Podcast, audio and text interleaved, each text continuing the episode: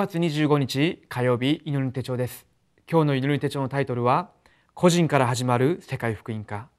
聖書の箇所はピリピ書1章3節から5節です。私はあなた方のことを思うごとに私の神に感謝し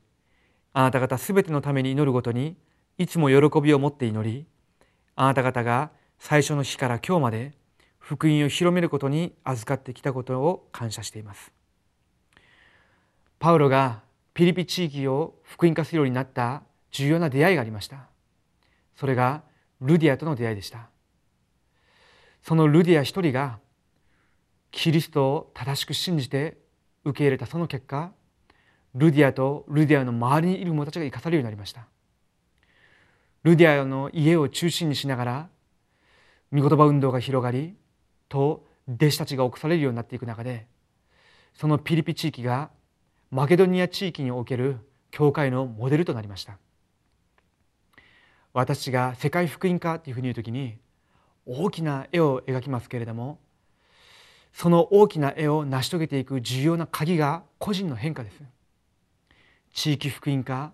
また日本の福音化世界福音化を担っていく最も重要な部分が一人の人がキリストの中で変化して弟子として変えられていくことです。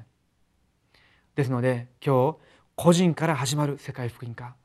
私が福音化されるんであれば私の現場と私の住んでいる地域全世界に影響を与えることができるということです。では今日の序論を一緒に読みたいと思います。世界福音化は必ず個人福音化から始まるものです。個人の変化なしに世界福音化はありえません。まず個人が福音で変わることが最も重要です。しかし私たちが最も成り立たない部分が個人の祈りです。個人の祈りが成り立たなければ何か一生懸命にして福音も知っているとしても答えが具体的に来ることはなく問題が来るたびに揺れてしまいます。個人を福音の中で癒して答えを受けるようにするためにはどのように始めるべきでしょうか。今日私が福音の中で祈りができない理由と私自身に実際的な答えがない理由を探し出して重要な部分を回復しなければならないと思います。では一つ目です。規律から癒さなければなりません。実際にうまくいっていないのでまず最初にしなければならないことが規律を整えることです。第一に祈りの規律を癒さなければなりません。私たちは祈りを通して恵みと平安を深く味わうべきです。恵みは始まりであり平安は終わりです。恵みは原因であり平安は結果です。朝起きて10分間の帝国礼拝を捧げて具体的な規律を整えなければなりません。そして10分間今日の重要なスケジュールを置いて深く黙想します。その後の10分間各自の方法通りに精霊に満たされることを置いて祈るのです。第2に生活の規律を癒さなければなりません。多くの生活の規律の中でも運動は最も重要です。最後に経済の規律を癒さなければなりません。今から小さなお金さえも規律を持って計画を立てて特に献金の計画を立てて実践しなければなりません。私自身も朝起きて今日一日のスケジュール全体出会い行く現場それを伝道とつなげながらまず祈ります。そうしながら今週の講談のメッセージを黙想しながら今日行く現場出会いスケジュールとつなぎ合わせながら祈りの課題を整理します。それを握って祈る時間。その時にああ神様が今現場で間違いなく精霊によって働かれてるな。そういうふうに確信が来ることがあります。今この時間に主が天使を送って今日行く現場現場ごとに伝道の門を開いてください。そういうふうに祈る時に霊的な世界で今宮座がなされてるんだ。そういう確信がきますそれから劉先生がおっしゃっているように呼吸を持って祈りをするようにします精霊10万と霊力知力体力経済力人材力5つの力を助ける天使の働き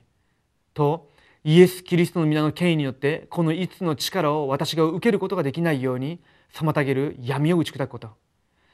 その呼吸の祈りを1日に最低でも10分15分朝の時間必ずするようにします。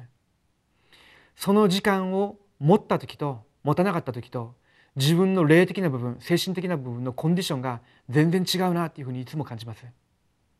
それが終わった後また運動します。運動した後に自分の肉体的な軽さ肉体的に疲労が取れるのと精神的にもとても、えー、爽快感を感じます。その後もう一度黙想したりするとすごく集中することができません。私たちが福音を味わうまた祈りの規律を整えるという時に私たちの福音の味わいと祈りというのは生活と密接な関係があると思います少しだけ祈りの規律生活の規律を調節することができるんであればおのずと福音を味わうこと祈りの中に入っていくことはできるんじゃないかと思います。では2つ目です。4つのノート。私たちは一生かけて重要な4つの記録を残さなければなりません。1つ目は祈りのノートを残さなければなりません。今日の祈り今日の御言葉今日の伝道を発見して毎日記録しなければなりません。2つ目は伝道ノートを残さなければなりません。今から自分自身のスケジュールに従って具体的な伝道計画を立て小さなことから実践して記録に残してください。3つ目は弟子ノートを残さなければなりません。今から静かに伝道弟子を見つけて記録をし彼らを通して後見人としての役割もしてあげるべきです。4つ目は献金ノートを残さなければなりません。もし現在経済的に苦しいならばさらに努力して挑戦するべきです。特に両親と事業をしている人は重要な献金計画を立ててこれをノートに残さなければなりません。これらが子供と子孫に伝えられるならば素晴らしい霊的な遺産となるでしょう。私自身は習慣確認表というものを持って今日の伝道今日の御言葉今日の祈り自分の全体のスケジュールの管理と1週間現場で受けた答えや伝道現場での内容全部 A41 枚に表と裏を使いながら整理するようにしてます。今年から始めるようになったんですけれども今だいたい4ヶ月ぐらい続けてきました。それを今クリアファイルに入れながらたまに見るんですけれども神様が本当にその習慣に与えてくださった産業のメッセージ革新メッセージと、えー、レムナント伝道学のメッセージ手術の講談のメッセージそのメッセージを通して自分自身の出会い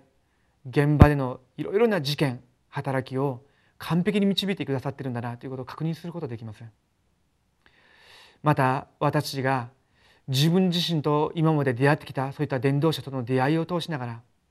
彼らの一生の祈りの課題とかを確認してその人を覚えて祈る時間があるんであれば神様がその人に与えようとしていらっしゃる答えメッセージ祈りの課題そういった部分を祈ってる時間に私に与えられると思います。それをもってまたその人たちと交わりすることができるんであれば短い時間であったとしてもその時間がその人にとっては忘れることができないそのような時間になり得ます。また私たちが RTC 献金宣教献金10分の1の献金教会建築の献金この4つの献金に対して本当に信仰を持って心から計画を立てながら捧げていくんであればそれが私だけではなくて私たちの子孫重要な未来にまで答えがつながっていくはずです。私の人生全体の歩みを記録として残して伝道者の遺産として私たちのレムナントに伝達できればと思います。3つ目です。信仰の足跡。今から私たちは神様の栄光を表す信仰の足跡を残さなければなりません。代表的に聖書のレムナント7人と教会史のルターとカルバンのような信仰の人々も教会史に重要な業績を残した人々です。私たちはこれから起こる結果を知っています。これをビジョンと言います。私たちは今週も新しい1週間を歩んでいます。ですけれどももし1週間の間何の記録もなしに過ぎ去ってしまうんであれば1年過ぎた後その1週間のことを何も思い出すことができないと思います。時間が過ぎてしまうと今週という1週間が全くの空白になるということです。私という人間も存在してて与えられた御言葉もあって祈りの答えもあって現場での神様の働きもあったことでしょう。ですけれども記録がなければ全部空白になるということです。世の中の偉人たちであったとしても自分たちの人生の記録が残されていますエジソンのような場合は自分の研究の結果生活の日記が3,000本余りもあるというふうに聞いてますそれであれば私が伝道者であり神様の子供であれば私の価値ある人生を記録として残していくことがこれからのレムナント運動のためにと RTC のために必ず益になるかと思います。私の人生の記録自体が伝道者の遺産として残されるということです。では今日のフォーラムの主題です。個人の祈りの実践計画を立てて4つのノートに対する具体的な準備と実践を準備してみましょう。お祈りします。生きておられる神様に感謝を下げます。今日という日を与えてくださった神様が